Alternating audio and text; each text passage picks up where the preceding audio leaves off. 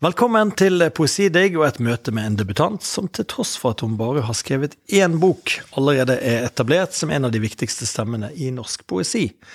Etter oppsiktsvekkende gode anmeldelser for sin monumentale diktdebut med 'Resten av mine hender', har hun blitt et selvskrevet navn på bortimot hver eneste litteratur- og poesifestival, og har også gjort seg sterkt bemerket som kommentator, bl.a. i Morgenbladet, redaktør for det nystiftede tidsskriftet Abiv Jakti og bokansvarlig i det feministiske tidsskriftet Fett. Og når Linn Ullmann var festspilldikter i fjor, så tok hun av alle frem nettopp Pria, og ga hun sitt festspilldikterstipend med ordene 'Jeg ble helt slått ut, jeg ville gi boken til alle jeg kjente'. Senere har hun fått Olav Hauge-stipendet og nominasjon til Tarjei Vesaas debutantpris. Velkommen til Poesidigg, Pria Beins. Tusen takk for veldig overveldende introduksjon og invitasjon til en podkast jeg er fast lytter av. Oh. Tusen takk. Jeg tenker eh, vi, vi begynner med diktet, siden vi, vi er en diktpodkast. Og, og, det er ikke alle ennå som har lest uh, boken din. Mm. Så Ja, det, vi, vi, starter med litt lesing. Jeg kommer til å lese fra uh, andre avdeling, det er åtte avdelinger i, i boka. Eh, så jeg leser fra den som heter For mine hofters styrke. Så begynner jeg bare på starten også. Hjemme hos oss henger Guds ansikt like under taket.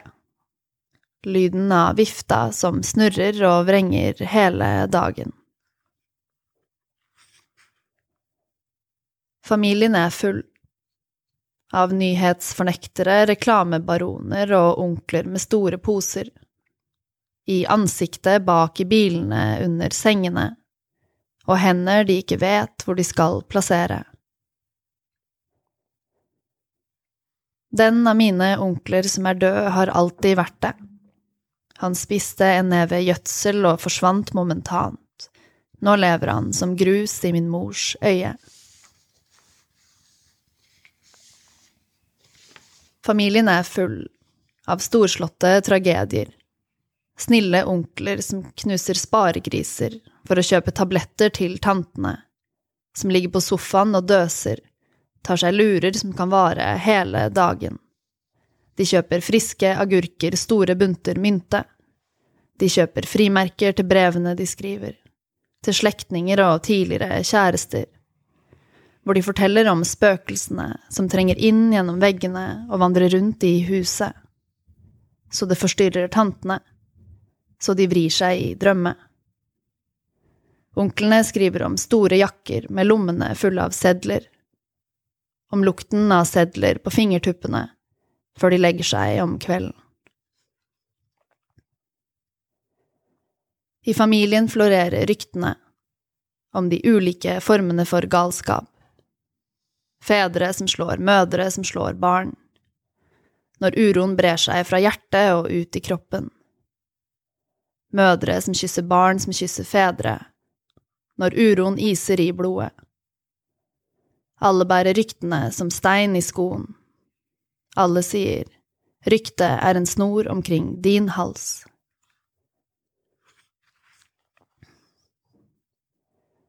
Familien sier Vi ble ikke enige. Vi ville kalle deg alt mulig. Du skulle ha så mange navn at selv prinsessene ville bli sjalu. Et navn for det myke og et navn for det harde. Et navn for det vi forlot, og et navn for det vi fikk. Et navn for elven i dine årer, og et navn for Guds rettmessighet. Et navn for månen i våre øyne, og et navn for steinen i din sko. Et navn for de daglige ritualene og et navn for natten du ble født. Et navn for mannen som hengte seg i hagen, og et navn for Guds nåde. Et navn for kvinnen vi så kaste seg på bålet, og et navn for barna som ble igjen. Et navn for broren som så det skje, og et navn for vår bortvendte rygg. Mor sier, ett navn for landskapet som reiste seg i din fars øyne, og et navn for mine hofters styrke. Så dette er dine navn. Knust flaskepost, skjell i grusen. Noen sier at over familien hviler det en forbannelse. En tåke som sniker seg inn i kvinners kropper, så det kun fødes jentebarn. Tåken er hvit og kald, en fremmed hånd i kroppen. Mm. Tusen takk for, eh, for, den lesningen. Det var, det var, godt å høre. Det er en, eh, en bok som jeg har, har, nå lest tre ganger, og jeg må si faktisk eh, at det er en bok som blir bedre, bedre med hver lesning, og det er et fryktelig godt tegn for for en bok. Altså det er en, og, og, jeg må jo si at det er en, det en, en raus altså Det er en stor bok her, altså. Det er nesten 200 sider med, for en debutant. Det, det har vært litt av en, en jobb vil jeg tro.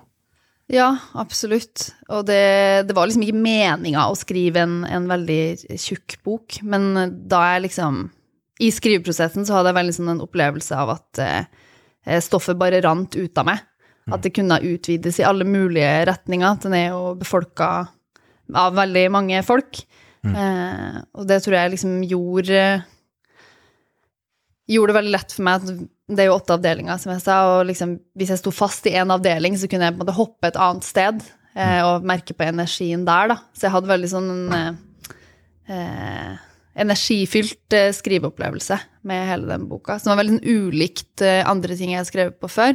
Mm. Eh, har hatt flere sånne såkalte bokmanus som har liksom blitt 30 sider, og så har stoffet på en måte ikke båret noe lenger enn det, eller min interesse for stoffet har ikke båret lenger enn det. Mm. Så jeg tror at når jeg først liksom begynte å nærme meg den her materien, så, så, så bare Ja, det vokste bare utover sine egne bredder, da. Mm. Uh, den kunne nok ha vært lenger òg, men et sted så må man jo på en måte sette punkt. ja, nei, men det er, et, eh, det er, en følelse av overflod, eh, og det er en følelse av, av skrivelyst, nærmest. Altså, jeg, jeg tenker jo Noen kan jo hende gå til en til den type bok med, med, med en litt sånn alvorstung tittel og tenke at dette skal være Nå skal det handle om noe litt sånn uh, tungt, sørgelig. Men, men jeg, jeg, opplever det som en veldig munter mm. bok også. Altså rett og slett at det er en, det er en uh, hvordan skal man jeg, jeg, tenker litt på den Caroline Brende gjorde sin, sin, debut også, som hadde et veldig tungt stoff. Mm. Men det var fremført med en lekenhet. En, mm. Altså at det ikke man, man, forsvinner ikke ned i, i gulvet, på en måte. Man, det, det, det, det, er lettere, det flyr litt. Ja, og det tror jeg jo også henger litt sammen med altså det språklige arbeidet, på en måte. I hvert fall for min del. At eh, ja, det er jo noen sånn alvorlige tematikker, men for meg som skrivende så, så, handler det jo mye om å skape bilder og leke med sanselighet og komposisjon, og de tingene tror jeg er kanskje det man merker på som en form for sånn overflod, da, som også har mm. Eh, munna ut i et sideantall som er litt høyt, på en måte, men det er jo kanskje litt på sida. Men eh, ja, definitivt en sånn opplevelse av eksess, da. Av at liksom språket eh, utvider, på en måte. Mm. Eh, mm. Ja. Ja, nei, det, det eh, Altså, når denne boken, denne boken kom jo for ett og et halvt år siden, er det vel? Eh, mm. og, og, den kom jo Altså, den fikk jo anmeldelser mange anmeldelser veldig fort. Det er jo ikke alle debutanter som får det. Altså det den fikk en virkelig kraftig, kraftig mottakelse. Man skjønte at her kommer det et navn som, er, som kommer til å få en virkning. Mm. Eh, men, men, det var sider ved den eh, Eller jeg, jeg husker veldig godt at du at det, er, det kommer en reaksjon på noen av de fra mm. deg, da, som, var, som jeg syns var veldig tydelig. Ja, det gjorde det absolutt. Ja, jeg var veldig eh, heldig og fikk, eh, fikk, masse anmeldelser. Men da boka kom, som jo var i august i 2021, så tror jeg at um, Hvis jeg kan starte liksom et år, år før ja, det, da, som var liksom sommeren 2020, som var rundt omkring der jeg fikk forlagskontakt, um, så hadde jeg også nettopp starta et tidsskrift sammen med, med Melanie Kitty, som er venn og poet og billedkunstner. Mm. Uh, og det her tidsskriftet det hadde som ramme at det skulle bare inkludere etniske minoriteter i de ulike nordiske landene. Ja, for dette var, uh, dette var etter George Floyd, og det var Black Lives Matter. Og... Ja, det er akkurat det det var. Og i den perioden over den sommeren så, så snakka jeg og Melanie veldig mye om ja, men hvordan hele liksom, samtalen om eh, antirasisme, strukturell vold, eh, også representasjon i liksom, kunstfeltet her i Norden, alle de her tingene var veldig sånn opp i dagen. Mm. Og måten de her tingene ble snakka om på, var ja, men det opplevdes eh, fremmedgjørende, da, på en måte. Det var provoserende, fordi diskusjonene gikk på sånn herre Finnes rasisme? Eh, burde man eh, kvotere inn, og nå har identitetspolitikken gått for langt? Og alle de her tingene som jo bare har fortsatt siden. Og det er mye man kan si, si om det, da, men for meg og, og Melanie som satt og drakk en øl en eller annen plass i København, så tenkte vi at ok, vi må gjøre et eller annet som føles givende. Gå et sted hen og skape et fellesskap som vi som kan liksom definere på våre premisser, da. Og det ble så det her tidsskriftet Abiviaktig. Um, og der var det jo en slags sånn tanke om at folk skulle få lov til å være minoriteter, men få lov til å være ikke bare det, på en måte, ikke være representanter. Mm. Um, så de her samtalene hadde vi hatt, og så kom jeg i kontakt med forlag, og det ble snakk om å gi ut bok, og, og som alle skrivende så var jeg veldig oppslukt i min egen skriveprosess, og jeg, det var veldig intuitivt. Jeg liksom ja, det var på en måte kanskje ikke en privat eh, affære, men det var liksom noe med meg og teksten, da. Og det er ja, mer sånn ukontrollerbart. Sånne ting man kan rasjonalisere etterpå, hva som skjedde der. Men i møte med forlaget så måtte jeg jo også forholde meg til at det her skulle bli en bok som andre folk skulle lese. I en, På andres premisser også. på andres premisser, sant. Og det kan nok være litt sånn der hemmende for en skriveprosess. Jeg prøvde på en måte å holde det litt vekk, og tenke at sånn der, nei, jeg skal bare skrive denne boka, og det stoffet som interesserer meg, er det som får plass. Og så ble det mer og mer sånn nå skal vi bestemme forside, og Ja. når skal den komme ut, og alle de her tingene. Og da Du hadde, Eh. til, du hadde til og med en, en liten samtale med redaktøren din der, eh, leste jeg et sted. Ja, At det du, du fikk litt panikk.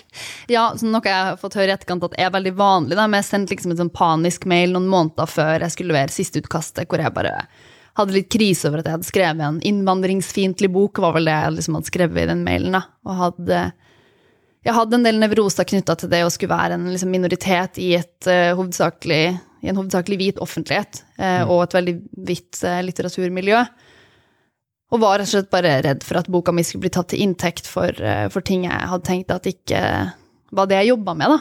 Noe som må jo sies ikke var helt far-fetched. Altså, det har jo vært Yahya Hassan er et godt eksempel på Mm. en med minoritetserfaring som, som virkelig ble brukt til mye rart. Altså Absolutt, og ble liksom posterboy for alle mulige folks eh, Jeg vet ikke engang eh, hensikter. Altså, det å bli rammesatt på den måten, og nettopp det å liksom ha fulgt med på ja, men Athena Farrokhzad og Yaya Hassan og sånne ting, det gjorde meg jo ganske sånn Ja, men var, da.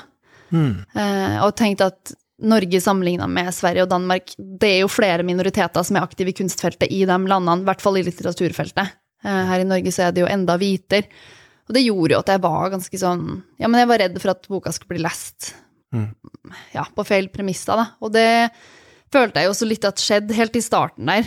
Eh, jeg ble jo blant annet sammenligna med Yahya Hassan og eh, mm. det er jo en ære, det, på en måte, men samtidig så har vi jo ingenting Ja, ja. til felles i formspråk, og det er lite overlapp i tematikk annet enn familie, og hvem er det som ikke skriver om familie, liksom, i litteraturfeltet?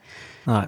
Ehm, ja, så det Så du, du må rett og slett eh, si fra. Ja. Altså, og, og det er ikke ofte man ser at en debutant går ut og, mot, mot sin kritiker og sier sånn skal ikke det være. Nei, jeg tror rett og slett at det gikk en, en kule varmt. At det var noen ting som skjedde litt sånn underbevisst i meg, også opp mot eh, at boka skulle komme ut. Det var ikke sånn at jeg var liksom, hadde ikke en kronikk klar før Nei. boka var der, på en måte. Men når jeg fikk de her lesningene som jeg opplevde at var reduserende, så tenkte jeg skal det fortsette å være sånn her? Skal jeg liksom gi ut bøker og oppleve eh, Altså Det er jo mange som får bøkene sine misforstått eller opplever at de ikke blir lest liksom grundig nok, og det har jo med, med mange ting å gjøre. Men for min del så handla det nettopp veldig spesifikt om det å være innvandrer. Ja. Og det tenker jeg har med andre deler av samfunnet å gjøre også, det. Så da Ja. Her er en innvandrer som kritiserer eh, innvandrerfamilier. Ja, Eller liksom, ja. Og det narrativet der, det er forslitt, og det er entydig, og det er ikke på, eh, det er ikke på mine premisser, da. Det er ikke på våre premisser. Jeg skal ikke snakke for en hel gruppe, men det er jo mange som har sagt imot det narrativet før. Mm. Og jeg tenkte bare at ja, hvis jeg skal fortsette å være virksom i det her feltet, så må jeg faktisk bare si at det her, det her er ikke ok, liksom. Uh, for å si det litt sånn enkelt. Uh, men òg fordi når man er liksom en minoritet uh, i offentligheten, så, så blir man jo også en del av en gruppe, og jeg hadde også liksom et behov for å tenke For å liksom sette noen premisser for hvordan andre folks bøker også skal bli lest. At jeg orker heller ikke at neste brune poesidebutant skal bli sammenligna med Yahya Hassan by default. Mm. Vi er ikke alle dem samme. Det fins eh, en flora av erfaringer her også. Det er veldig sånn selvsagte ting, men, eh, men det var visst ikke så selvsagt allikevel, da. Så da Jo, men du satte skapet på plass, eh, rett og slett. da, Og, og, og jeg syns det ble en sånn der læring jeg, for, får, ut av det, for hele feltet. Så, så, så det er vi glad for at du brukte tiden din på. Og nå skal jeg ikke bruke all tiden på å sitte og snakke om nettopp de tingene, sånn som man ofte gjør. Eh, la oss heller snakke om, eh, om boken din, som, eh, som eh, Ja, så du, du sa det var åtte avdelinger der, eh, som, som du har jobbet frem åtte ulike suiter, og noen tunge og noen litt lettere vil jeg si. Eh, vil du, har dette arbeidet med boken vært, vært med på forfatterskolen? Altså, du har gått i København, og du har gått i Bergen, og det er jo eh, Ja, det Altså, jeg begynte på boka da jeg gikk eh, Altså, København er jo to år, så det andre året der så begynte liksom det her materialet å, å vise, på en måte. Og det var veldig sånn Jeg husker liksom da jeg skrev de første diktene, så rant, igjen for å bruke det bildet, liksom rant dem ut sånn ti stykker, ti sider, bare én get go. Og da merka jeg sånn umiddelbart at oi, her har jeg funnet et eller annet som betyr noe for meg. Jeg husker jeg viste liksom til en av dem jeg studerte med, og var sånn herre Nå! Nå skjer det et eller annet her. Man blir jo veldig sånn opphengt når man går på skriveskole av å finne et prosjekt, og det tror jeg det presset nok har gjort at jeg liksom holdt på med materie som ikke var helt min materie, i ganske lange strekk, og så liksom opplevde at det ikke ble lengre, eller tjukkere kanskje heller enn enn lengre. Mens, eh, mens da liksom de her diktene Så mange av dem er faktisk fortsatt med i boka. Mm. ja, da de kom, så Så da følte du at du fant ditt stoff, eller dette, dette, dette er boken min, på en måte, eller? Ja. Men jeg var jo litt redd for å tenke den tanken òg, fordi ja, det kan jo liksom Da blir det jo veldig stor fallhøyde. Men jo, det var veldig sånn at jeg kunne merke at det var viktig for meg. Kanskje ikke så mye sånn at det måtte bli en bok engang, men bare at det her interesserer meg. Her er det et eller annet jeg kan utforske som eh, Som er viktig for meg, da, som skrivende. Eh, ja. Og, og, og dette ble ikke en sånn 45-siders sak. Det ble sant, du av ulike stemmer som kommer til orde. Det, det er ikke et jeg som taler ut sin, sin, eh, sin sjel her. Det er rett og slett eh, et demokratisk rom, nærmest, der, der, der ulike stemmer får lov til å komme til. Mormorer, onkler, tanter, de eldre, døtrene. Altså, vi, vi Ja. Familien sier, er det Ja. en sånn Dette, dette grepet, hvordan, det å åpne opp det rommet, hvordan kom du til det? Var det, var det, en, det må jo ha vært veldig klargjørende, eller? Ja, altså det første som I den derre eh, Den første liksom inspirasjonsbølgen, på en måte, så var det første som kom den her familien sier-stemmen, den kollektive stemmen, som jo Det er ikke noe eksplisitt liksom dikter jeg i de her diktene, men jeg, men jeg tenker jo denne familien snakker jo til noen, og av og til så snakker de kanskje internt innad til hverandre, men de snakker også mye til det her jeget, eller du, da, som det blir. Så den første Når familien sier, så er det til ja, jeget. ja, det tenker jeg i hvert fall. Og det var den, den energien som først liksom som kom. Kanskje jeg egentlig bare kan lese litt fra helt den, den første delen, for det gir litt mer mening hvis jeg Fin. Um, Ja, så det her er åpninga på boka, da. Eh, Jeg kan lese bare et par tekster. Familien sier Av oss fikk du kjærlighetens navn, men også det ga du bort. Nå er ditt navn en dryppende honning fra noen andres munn. Familien sier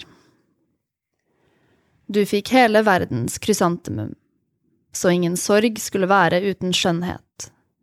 Du fikk kniven og kammen, så du aldri skulle være alene. Du fikk en flokk med dyr, så du skulle komme tilbake, men du tok ikke imot. Familien sier, Du ville alltid tilhøre noen andre. Vi så det på måten du slynget deg nedover gaten på. Ikke en eneste gang så du deg tilbake. Som hadde ingen gitt deg et navn, som hadde ingen kalt på deg. Mm. Og her um, spennes det jo på en måte opp en, en slags konflikt, da, tenker jeg. Ja, det ligger en anklage. Hele den der første suiten er på en måte en form for besvergelse eller forbannelse som familien kaster mot det her duet, dattera. Mm. Den føles er forlatt, og uh, at det er en sånn tillit som er brutt, da.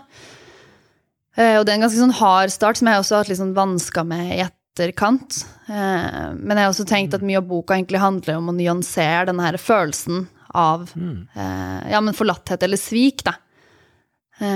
og det, det tror jeg var det som åpna det her rommet opp for meg, for der var det noe å utforske. Det var en ubehagelig opplevelse, eller ubehagelig et, Ja, det er jo en ubehagelig følelse, det her med sviket. Mm. Men jeg tror også at det har vært viktig for meg å tenke at det, det sviket som oppleves, det, det, har også sin berettigelse, da. Mm. Og det er jo et litt sånn vanskelig ja. Det er mye sånn tvetydighet i det, da. Og det tror jeg er det som har gjort, liksom latt den her kakofonien vokse frem. Mm. For da har liksom alle i denne familien får lov til å si noe om hva er det det her Hva handler det her sviket om? Og det handler også om ømhet, da. Det handler også om kjærlighet. Det handler om at vi har gitt deg et eller annet, og du har ikke forvalta det sånn som vi ville, da. Mm. Eller kanskje ville vi det ikke på en spesifikk måte, men altså Jeg merker jeg blir litt sånn abstrakt når jeg, når jeg snakker om det her. Nei, men, det er jo noen, noen, vil jo kalle det altså rett og slett en generasjonskløft. Mm. Altså rett og slett altså, at, at, en foreldregenerasjon ikke gjenkjenner mm. sin egen fortelling i, i, i barnet. Ja. Den, den nye. Og, og, og, det er klart at i en i, med en migrasjonserfaring hvis, hvis, hvis, disse livene har vært levd på, på, to forskjellige kontinenter, så må jo det være en himmelropende eh, sånn forskjell i, i referansebakgrunn. og Jo, men det er akkurat eh, Ja, det er akkurat de der tingene jeg liksom har prøvd å utforske. Og det der med at liksom eh, nettopp det her gapet, da, som jo er veldig sånn present i, i, en familie hvor nettopp noen har vokst opp på et kontinent og har liksom levd med visse politiske omstendigheter og visse liksom kulturelle skikker og religion og mat og alle de her tingene. Eh, og barnet har noen andre referanserammer.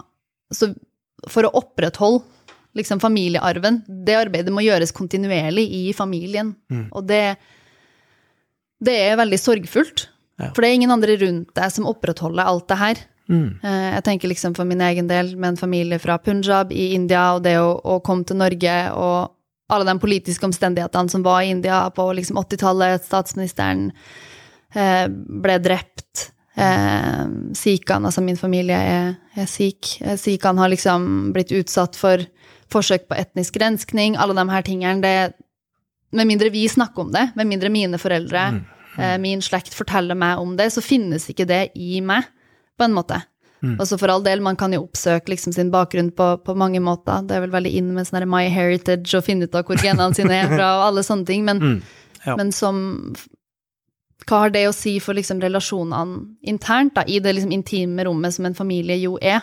Og som jo også er mye av premisset for denne boka, da, at det er en samtale innad i en familie. Det er ikke Eh, apropos det med resepsjon, det er ikke liksom et forsøk på å eh, lære noen noe om punjab. Det er liksom et eh, eh, ja, internt anliggende for denne familien i, i, boka. da, Finne ut av hva har den her ja, generasjonskløften, men også ja, kontinentkløften, eh, kulturkløften, gjort med ja, gjort med relasjonene, da. Hvilke følelser avføder det, og hvilken liksom um, hva skjer med kjærligheten i det rommet, på en måte? Det tror jeg, det har vært viktig for meg også å skrive om kjærlighet, og ikke bare skrive om, eh, om svik. Mm. Ja. Nei, det, det, er mye varme i mm. eh, og, det, og, i harme fra foreldregenerasjonen, så er jo det også kjærlighet i den. Altså, det er jo absolutt Det er jo et ønske om å ha, ha den andre.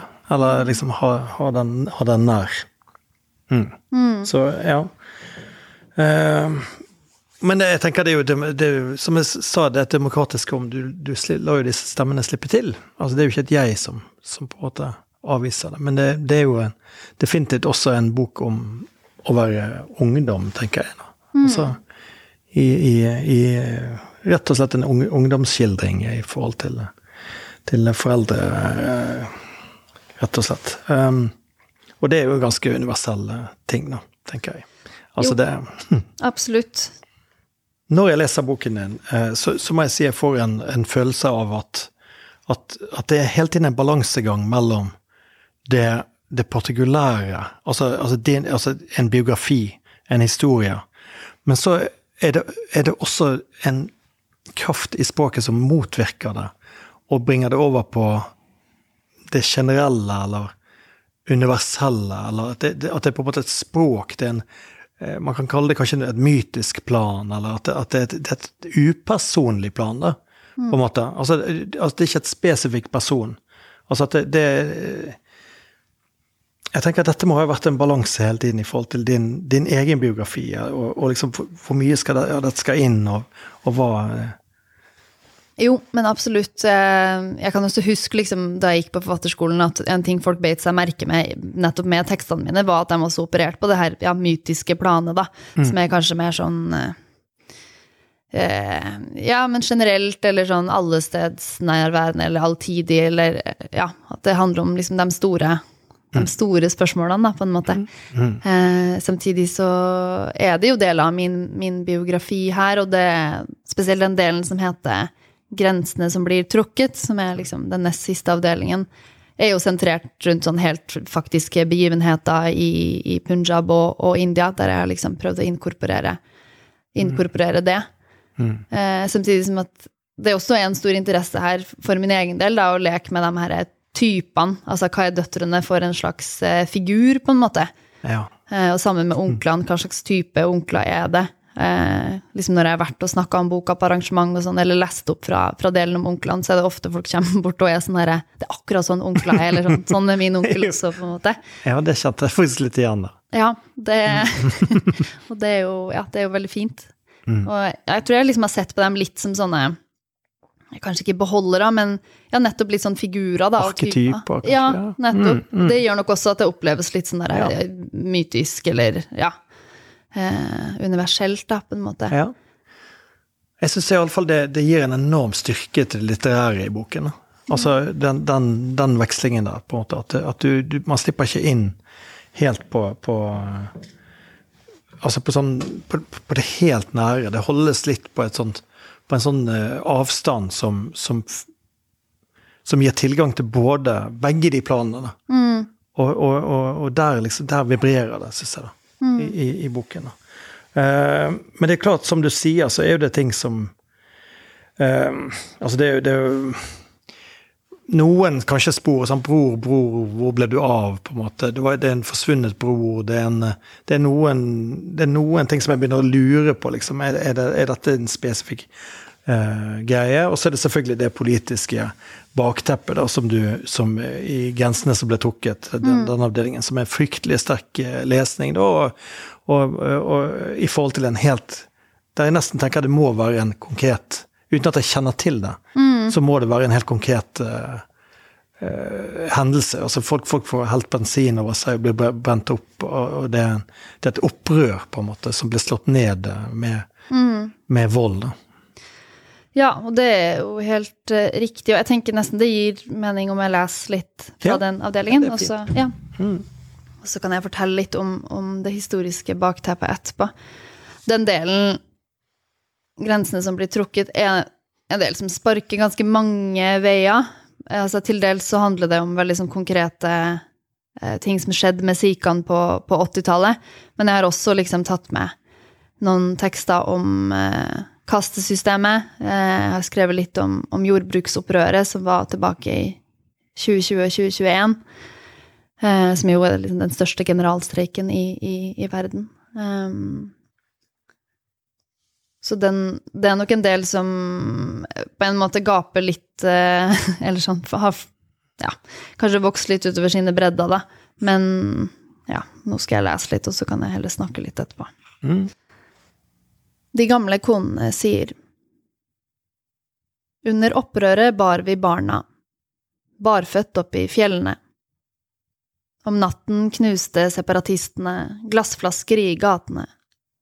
De visste at folk ikke hadde sko. Men vi våknet til dagen og insisterte.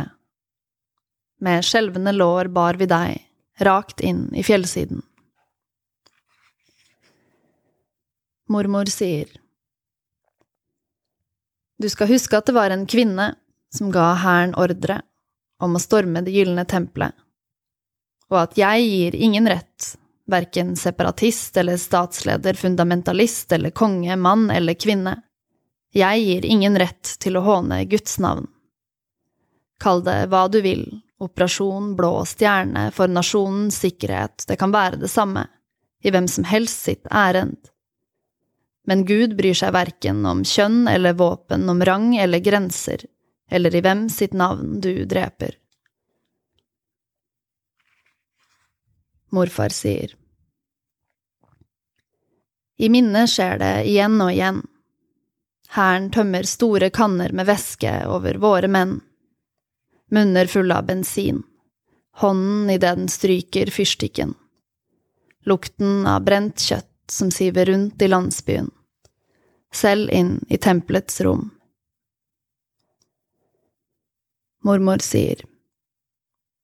Kanskje vårt tempel fullt av våpen, men vårt folk helt uten forsvar. Kanskje separatistene militante, men mine barn helt uten skyld. Mm. Ja, så i de her diktene så Så er liksom bakteppet at på, på 80-tallet så Altså, i Punjab så finnes det en sterk separatistisk bevegelse eh, der sikhaene ønsker sitt eget land, Khalistan. Og som de fleste separatistiske bevegelser så finnes det liksom en moderat fløy, og så finnes det en ekstrem fløy, som jo nettopp er, er militant, da. Eh, og denne bevegelsen vokste jo liksom fram etter partition, altså 1947, og delinga av India inn i Pakistan og India. Mm. Um, og på 80-tallet så hadde bevegelsen eh, Altså, de var mer proaktive, eller hvordan en skal formulere det. Um, og det som da skjedde, var jo at myndighetene og Indira Gandhi, som da var statsminister, sendte hæren inn i Det gylne tempelet, som er vårt gudshus. Uh, og det sier seg vel kanskje litt sjøl at når man sender væpna militære inn i et gudshus, så, så blir det opptøyer. Um, og da var det liksom et forsøk på, på etnisk renskning av, av sikhaene, og folk ble brent levende i, i gatene. Og det er jo et stort sår i liksom, sikhaene sin, sin, historie. Og alt det her gikk jo så langt som at uh, livvakten til Indira Gandhi, som sjøl var sikh, tok, tok livet av henne. Som jo da leda til videre opp, opptøyer. Og det er det eneste jeg husker fra min, fra min Ja, det jeg fikk med meg i nyhetene, holdt jeg ja. på å si. Mm. Og den her Den her Altså, de her politiske begivenhetene og, og, historiske omstendighetene er jo sånne Apropos liksom det her med, med migrasjon da, og generasjoner, det er jo mm. ting som da besteforeldregenerasjonen husker veldig godt, og liksom moren min husker det litt, men ikke sånn kjempe. Mm. Men det er jo nettopp en stor del av ens identitet, da, og nå, akkurat nå mens vi sitter og spiller inn denne podkasten, så bare for noen dager siden så stengte myndighetene internett i, i Punjab fordi de er på fordi de leter etter han som nå er leder for Khalistan-bevegelsen, Amritpal Singh. Eh, så det her er jo en pågående konflikt, på en måte, og det er ikke sånn at Det er jo Ja, det er jo et menneskerettighetsbrudd, og en, krigs, en krigshandling, ofte. Ja, absolutt, og sånne ting er jo dessverre altså Jeg vet ikke, jeg leste en eller annen artikkel om at liksom det hadde skjedd 22 ganger eller noe sånt i fjor i India, så sånne ting er jo på en måte ikke uvanlig, som også gjør det sånn ekstra absurd. Jeg sendte moren min en melding her for noen dager tilbake og var sånn Hva er det som skjer i Punjab? Fordi jeg har jo på en måte begrensa med eh, mm. informasjon om det. Man kan liksom ikke stole på mediene. Alle medier som liksom dekker det her på en redelig måte, har jo blitt skjøtta ned. Man kunne heller ikke sende SMS-er på telefonen. Altså informasjonsflyten mm. er helt sånn knebla. Så sendte moren min melding da, og var sånn Hei, hvordan går det? Hva skjer i India nå? Og mormoren min er der eh, akkurat nå, så jeg ble jo liksom bekymra. Mm. Og hun svarte Priya, det skjer alltid noe i Punjab. ja, så, ja. Som, ja, det der med at det også blir på en måte vanlig, da. Og så skal det også sies at eh, ja, altså India er jo et kjempesvært land med veldig mange folkegrupper, mange religioner, og det er jo på en måte ikke sikhene som er de mest utsatte her i dag heller. Sikhene er veldig høyt oppe i kastesystemet, vi er ganske lyse i huden, så det er definitivt Sånn som i resten av verden, så er det liksom muslimene det, ja, ja. det her hindunasjonalistiske partiet mest ute etter, og transfolk og mm. Mm. Bare for å si at sånne helt uh, grusomme ting blir jo på en måte helt, uh, helt vanlig, da. Men i denne boka så har jeg liksom prøvd ja. å prøvd å se på hvordan uh, sånne omstendigheter spiller inn på en familiedynamikk. Um, Ja. Og hva det liksom gjør at en generasjon har tilgang til store ja, men traumer, og hvordan de på en måte arves videre. Altså sjøl om eh, barnebarna der kanskje ikke har opplevd de her tingene, så er det jo fortsatt noe som har prega ens folks historie, da. Mm. Og det Ja, det har vel vært på en måte litt av prosjektet. Det er også, det er også en del av det å være en familie, er å bearbeide de her store kollektive hendelsene sammen, da. Og de bearbeides ulikt fra generasjon til generasjon. Man ser det jo veldig nå, at det er mye snakk om ja, intergenerasjonelle traumer, og i hvert fall i liksom migrasjonspoesien så er det et sånt stort tema. Du har jo valgt å, å, å drøfte dette i, i poesi, altså som sjanger. Hva, hva, hva tror du det med, med Hva er det som gjør at poesien er et egnet sted for, eh, for å åpne opp det rommet? Jeg, jeg føler at det har vært så mange vellykkede eh, eksempler på, på nettopp dette. Du nevnte at en av folk sa det. Eh, altså, hva, hva er det er det, noe, er det noe spesifikt med poesien som den kan gjøre, som Ja, ikke sant? Altså, for meg som personlig så tror jeg at liksom valget om å skrive poesi, i den grad det er et valg, det er jo sånn intuitiv ting, kanskje, det handler mer om det her med å skape bilder. Eh, At det er en sånn interesse for eh, metaforikk og similer, og hvordan kanskje ved å liksom si noe via noe annet, så kan man egentlig komme mye nærmere tingens natur, da, på en måte. Eh, og jeg er liksom opptatt av sanselighet og eh, ja, tenker mye på sånne ting som at liksom, hulemalerier, for eksempel. Det er også en sånn form Altså, man skaper bilde av tilværelsen. Altså eh, Det blir litt på sida, men, Nei, men det er et eller annet der, da, med liksom det sånn rent eksistensielle behovet for å skape et bilde av, av livet. Eh, og det føler jeg liksom, poesien er godt egna til, da, det der helt sånn nære arbeidet med, med språket. Eh, og så på den andre sida så tenker jeg at eh, det er mye lettere å liksom eh, stå og proklamere dikt på en bruskasse på torget enn det er å stå og lese fra romanen sin, på en måte.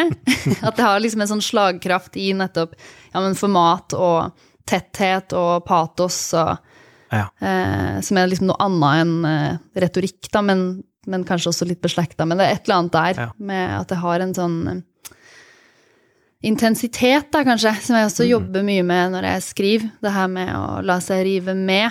ja. Eh, For, for, og det vil jo si at hvis du tar det steget opp på den buskassen, så vil jo du si noe.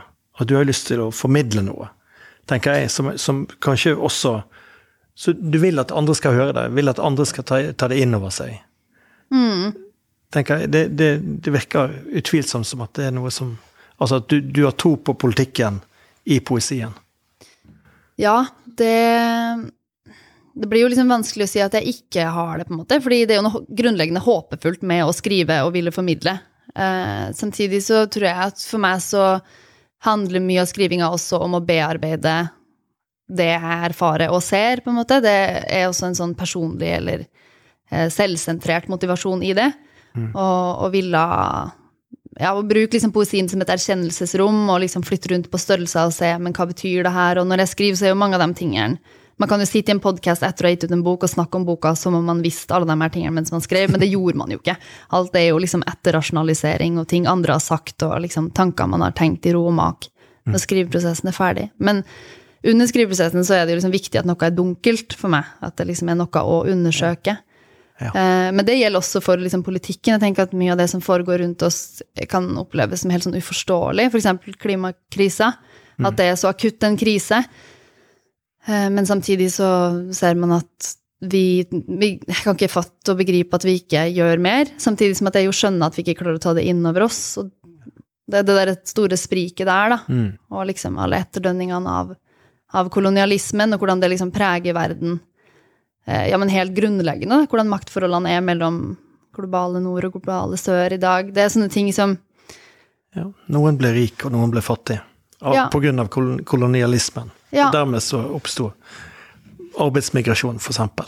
For eksempel, og de her tingene når man er fra en familie som har den erfaringa, det er jo liksom Da blir den familien det prisme for å kikke på de tingene, da. Og alle de Jeg vet ikke, for meg så er det liksom litt uunngåelig å jobbe med de her tingene hvis jeg skal ha et liv som skrivende, tror jeg.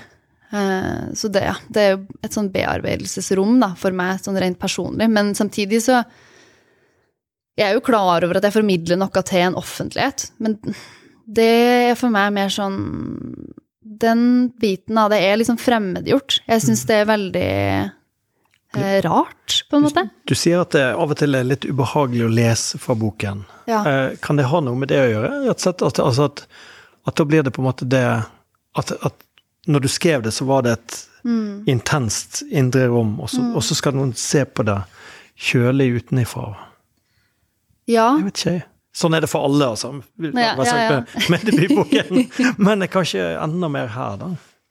Fordi at du vet ikke Mm. hvilke øyne som ser, eller om det er ven, vennligsinnede, eller Ja, jo, men det er definitivt eh, noe der. Og det der med at liksom teksten endrer karakter med en gang den møter noen andres blikk, så blir den på en måte ikke helt min lenger.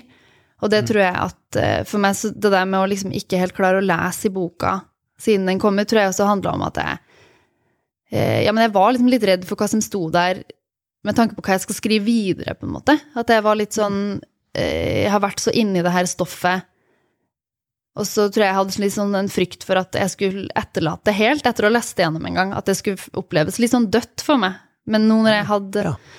en langlesning på poesifestival for noen uker tilbake, så fant jeg nettopp noen sånne eh, for en fryktinngytende ting å gjøre som debutant. Ja, det var Langlesning, hvor, hvor langt var det? Det var 45 minutter, så jeg rakk å lese Ja, ja, sånn tre fjerdedeler av boka, sånn cirka. Eh, men det som var veldig håpefullt med det, og som egentlig var veldig fint, var at jeg også fant plasser i, i mine egne tekster hvor jeg tenkte at ok, det her er jeg liksom fortsatt eh, opptatt av, eller det her, her finnes det liksom en åpning, her finnes det masse ting som fortsatt er dunkelt for meg. Da. Det er kanskje det der med å Ja, ja. bevare følelsen av dunkelhet. Ja. Du kan kanskje oppleve at boka Skjønner. blir sånn litt dissekert i en offentlighet. Det forstår jeg veldig godt hva du mener. Altså. Mm. Altså at, det noe, en, at du så en mulig fortsettelse, eller Mm. denne tematikken skal jeg dypere inn i, eller Ja, ja, her er en vei videre. Ja. Det var liksom veldig spesifikt en linje som er sånn derre eh, Kropper som åsteder, eh, som er i den delen om, om døtteren. Som eh, Døtteren i denne boka er jo på en måte veldig prega av et ytre blikk på seg sjøl. Altså det med å være liksom en ung jente som skal bli en kvinne, og alt det medfører av eh, ja, men seksualisering, da, for eksempel, som jeg tenker jeg, jeg jobber mye med. At man liksom, det man ser av kvinnekroppen representert i popkultur og, og litteratur, for den saks skyld, er sånn hyperseksualisert. Og det å skulle tre inn i det, tre inn i det, da, vite at det er det som venter en. Og liksom, ja, nå var det jo nettopp 8. mars, og liksom man fikk noen voldtektsstatistikker slengt på bordet, og den der underliggende faren knytta til kvinnekroppen, og til skeive kropper òg, for den saks skyld, den, den er liksom allestedsnærværende, da. Mm. Eh, og da tenkte jeg, ja, det der med kropper som åsted, tenker jeg, det kunne nesten ha vært en slags poetikk for denne boka, for det er Ja. veldig sånn prega av hvilke farer ulike kropper er utsatt Mm. Ja, for. det ligger, en- det ligger en fare utover, smurt jevnt utover hele boken, vil jeg si. Altså, at det ligger eh, Kanskje vi skal høre litt fra, fra den, eh, fra den Ja. døtrene-delen, for det, da, da tror jeg folk vil, vil, skjønne det. For, det. for det, det er litt det at vi har snakket Nå har vi snakket veldig mye om politikken i det, men, men det er jo også en, en, en, eh, ungdomsskildring, og, og, og, men, men så ligger det en fare der, altså. Mm. Da leser jeg bare litt fra midt i den døtrene-delen. Døtrenes voldsomhet legger seg over ansiktene deres, som en steppebrann sluker et landskap. Raseriet legger seg i leppene, blodet, hendene, og alt de tar på, brenner sakte til aske, støv og melk. Døtrene deler et blikk. Det vassende, ekspanderende, det kraftfulle, irrasjonelle. Det er ikke nok plass. Knoklene vokser ut av huden, fjær erstatter hår. Døtrene kan ikke holde på forelskelsen. Den lekker ut, kvitrer og drypper. Og Gud raser og slår, banker nevene i bordet. Mens verden lyser, sikadegrønn, asfaltgrå, i deres øyne. Døtrene lærer tidlig å beherske kroppen, stå foran speilet, ape etter hverandre, lage dansekoreografier, musikkvideoer, gjøre leppene store og bløte, hoftene løse. Døtrene lyver om alt hele tiden, hvor de er og med hvem, De lyver om at de har spist, sovet. Men foreldrene er trøtte og spiller med. Når døtrene kommer hjem med sår, knuter i håret, blanke øyne, og foreldrene spør var det fint på skolen, har du gjort leksene dine? I skogen blir de jentebarn, som faller på kne og kaster kniver etter Gud, ber sine bønner med jord i munn, løper med våte knær, insisterer på at man kan være ustanselig bare man løper fort nok. Døtrene våkner med maur på huden, larver, snegleskall på tunga, store insekter som kravler ned svelget. Det står skrevet i døtrenes ansikt. Kom, kom, grusomheten og det hele. De har tynne kropper som er lette å knekke, kropper som åsteder, lysende, lange lemmer i gresset. Det er, den, det er den tyngden som kommer der plutselig, sant? i det lette eller i det, det gjenkjennelige, og så, ligger, så, kommer det inn som sånne små støt. Altså bortføring og voldtekt og eh, mm. Så det, det, er en veldig sånn farlig, farlig felt, som jo, jo det er, da, eller ungdom, å være, som du sier det selv, ungdom. Altså, ja. Det, ja, og den delen som Altså, den her om døtrene er jo nettopp kanskje veldig prega av seksualisering, mens den delen som heter forsvinninga, som handler mer om liksom de unge guttene i denne familien, og kanskje også sånn generelt i, i, Punjab, da, er mer prega av Ja, men unge gutter som forsvinner ut i natten, og som mm. Der har jeg liksom tenkt å prøve å utforske det her med Eh, I Punjab så er det et veldig stort rusproblem som rammer flest unge menn. Eh, og det har jo med alle mulige årsaker å gjøre med at kvinner ikke går like mye ut alene. Ja, sånn. ja. Og liksom, ja, de her ungguttfellesskapene, som er liksom veldig prega av rus. Det er et stort heroinproblem, og det er noe liksom foreldre er veldig redd for. Mm. Er at eh, sønnene deres skal liksom forsvinne inn i rusen, og det er jo et land med høy arbeidsledighet. og mm og også liksom kidnappinga og, og bortføringa. Så det, det, er også en sånn reell materiell fare, da. Mens den der for døtrene, som jo også er reell og materiell med tanke på liksom faren for å bli, bli voldtatt, men samtidig også en sånn en seksualisering som kanskje også opererer på et litt annet plan, som er mer en sånn internalisering av alle de her forventningene til kvinnekroppen og hvordan man skal te seg, og at man skal være. Mm. Eh, man skal ha løse hofta og bløte lepper, på en måte. Ja. Eh, mm. I forhold til det, det å skrive om, om, eh, om, ungdom, på en måte. Altså det, det er jo du, du, benevner jo mor og, og, og, en familie rundt. og på en måte Det å skrive altså Jeg tenker, jeg ville jo vært, vettskremt hvis jeg skrev om altså mor og far og, og, den type ord i mm. min debutbok. på en måte. Hvordan, hvordan hadde du det i forhold til din egen familie? Har de, har de lest uh, mm. leste det? det ja. jo, jeg syns sånne ting er litt skummelt. Jeg også bare var ja, men det er definitivt uh, sårbart, og noe jeg liksom kanskje har tenkt enda mer over etter å ha gitt ut boka, når den også har møtt en offentlighet. Men, men, jeg tenkte jo også over det på forhånd, og det jeg tror Altså, moren min leste liksom manuset et par ganger, vi satt sammen og gikk gjennom ting som er biografiske, og hva som er fiksjonalisert, og det er jo kanskje nettopp det der med at ting også er fiksjonalisert. Det handler om meg og min familie, kan man si, men det er også veldig mange ting som er research. Uh, og det fins karakterer her som ikke fins i min familie, og det er folk i min familie som er utelatt. Altså, det er jo selvfølgelig mye av mitt liv som ikke er i denne boka. Mm.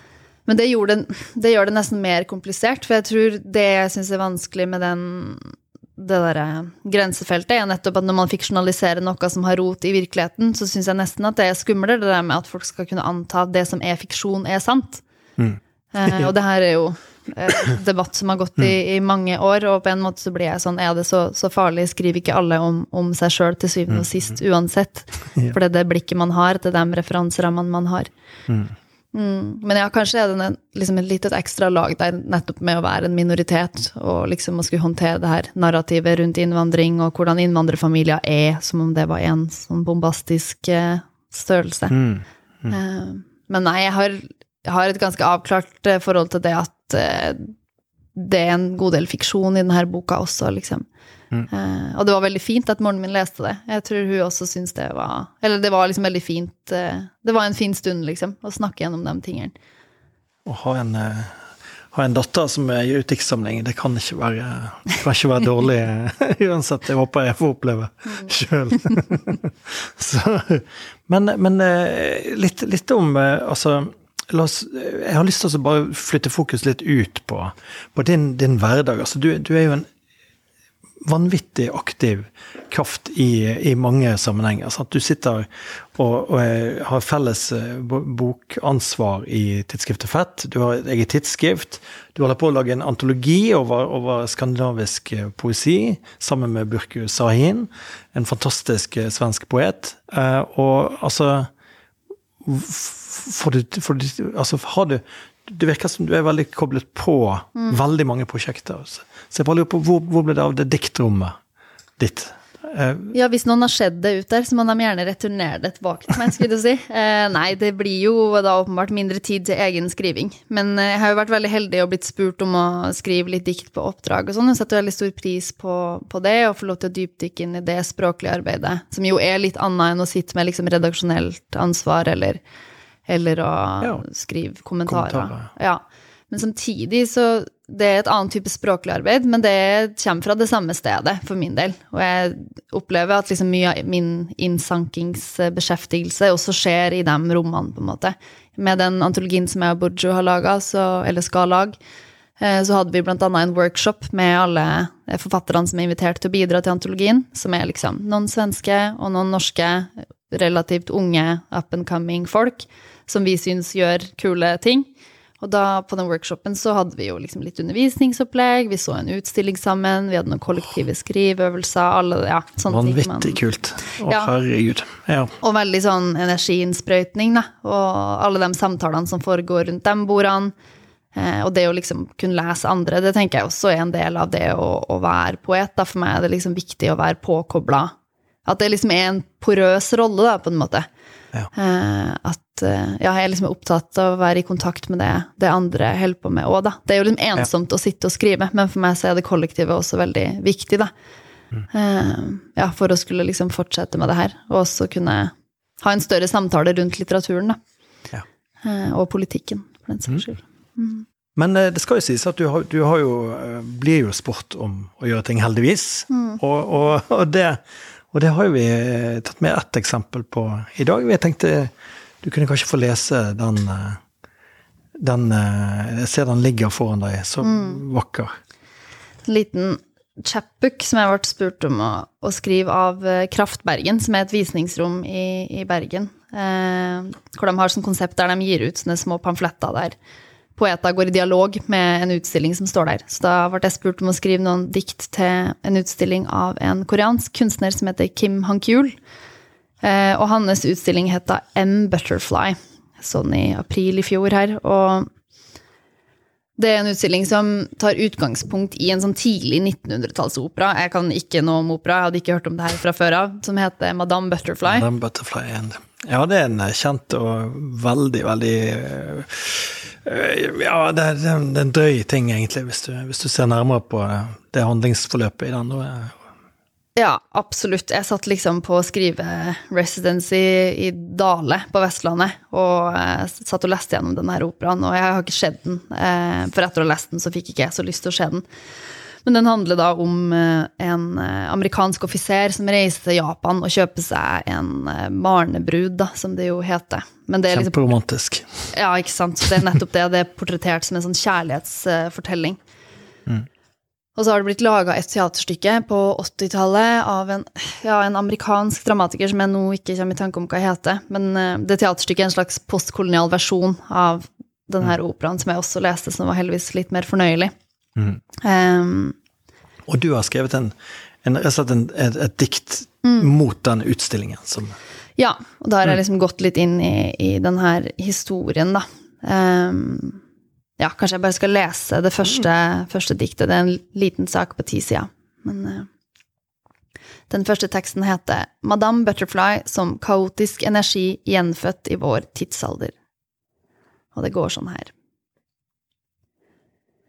Du skyller hendene i kaldt vann, legger fingertuppene over øyelokkene, skjønner ikke hvordan kroppen kan være så varm hele tiden. og du vurderer å selge nakenbilder av deg selv på nettet for å tjene penger, men vet at offiseren hadde blitt sjalu. Og du kjenner lengselen bre seg helt ut i tåspissene når du onanerer. Og du kan ikke tenke på annet enn offiseren, du ser ham overalt, skvetter når du tror han er der helt plutselig på butikken, på biblioteket, i parken. Og du lurer på om du passer best i kategorien petite Asian eller Japanese schoolgirl og du drømmer om han konstant, om at han sier at han elsker deg, eller at han plutselig forsvinner, dør ute i felten, blir drept av fienden. Og mange dager i strekk kan du ikke se annet enn død, og du er så varm og du føler deg fortært som når en steppebrann sluker et landskap. Og du googler heteslag, svimmel, kvalme, og du blir irritert på vennene dine som kaller ham en fuckboy fordi han ikke svarer når du sender ham melding og du har hele tiden denne voksende fornemmelsen av at noe grusomt skal skje, og det oppstår flere og flere spørsmål i deg. Hvorfor er det akkurat krig han har valgt å holde på med, hvem er fienden egentlig, når kommer han tilbake? Og du ser skogbrannene rase over landområder du aldri har besøkt, og du tenker at nå skjer det, nå skjer det, alle tings død og du lurer på om krigene noensinne vil ta slutt, og du kjenner at det flytter inn i deg, denne tanken om at fiendens fjes ligner ditt fjes. Og du lurer på om offiseren tenker på det, om det er derfor han ikke vil, om det er derfor han best liker å kysse deg i dagslys, for da vet han akkurat hvor han har deg. Ja, det, det er sterke, sterke saker, og, og nesten en et, et, et, et, lite rop ut der at man må spørre Pia Baines om å, å skrive saker. Liten reklame. Ja, ja, ja. Det, da får man denne type nivå på tekstene. Ja, nei, det, det, det, det har vært en veldig fin, fin time her i Drammen. Mm. Av alle steder. Mm. Vi måtte møtes et sted på midten. Ja, for Oslo-folk så er det i midten, tror jeg. ja, sant. Og Martin Nordli på biblioteket her i Drammen har vært kjempeflink på å sette opp studio for oss og trykke på rekk. Og, og vi, har, vi, har, vi, har, kommet oss gjennom Eh, ja, og Bergen kommune og Kulturrådet må også nevnes alltid som, som sponsorer. Og, og, det er bare å gå inn og høre på de andre episodene her også. Vi har jo en episode med Athena Fagsad, og, og jeg vil faktisk nesten også anbefale en episode med Gro Dale i forhold til Priya. og Vi snakket litt før, og det kom litt overraskende på deg, men, men eh, Gro har faktisk en del av de grepene som, som, som, du har her. Og den fine, lille distansen, og det å gjøre ikoner ut av, ut av søstrene, og på en måte det å gjøre disse størrelsene til, til et eller annet opphøyet nivå. Mm. Så det Skal jeg sjekke ut. Mm. Men uh, tusen takk. Takk selv.